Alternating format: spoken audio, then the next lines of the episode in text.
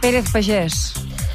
Un apunt. Un apunt, molt, Perquè ens en anem a molt l'òpera, ràpidament, eh? Ens perquè, anem a clar, l'òpera. Passem per les xarxes socials per fer el salt cap a l'òpera. Simplement és que, clar, m'han dit, escolta, comentem-ho, ni que sigui breument aquest eh, gran Què? daltabaix del tema del bloc, que no era el bloc La en qüestió. lesbiana no era lesbiana. Ni era siriana, ni era era dona. Era un mascle. Era un, era un mascle... Però què està passant I, aquí?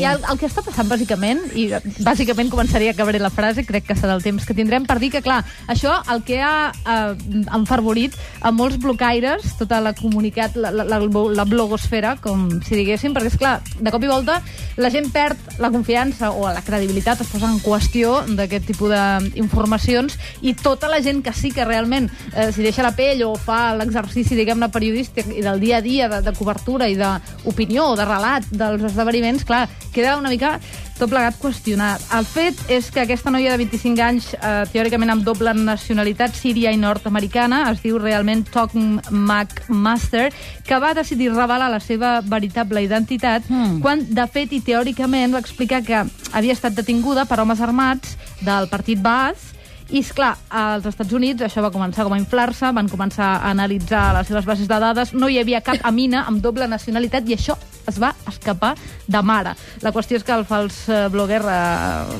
blocaire, bloguer, com vulgueu, ha escrit, diu que espera no haver fet mal a ningú i que realment ell no s'esperava que el seu blog tingués aquesta repercussió. Però clar, està Hem clar... Oh. de fer una òpera d'això, eh? Perquè això és un engany. És, un- és, és un engany segle XXI, sí o no, professor Radicales? Què tal? Bé, ho, ve, ho veu. Ho veig, ho veig. Ah. Mira, a mi m'agrada molt, avui he fet una cosa que sabeu que ho dic sempre que es fa a través sí. del 2.0, que és desvirtualitzar algú.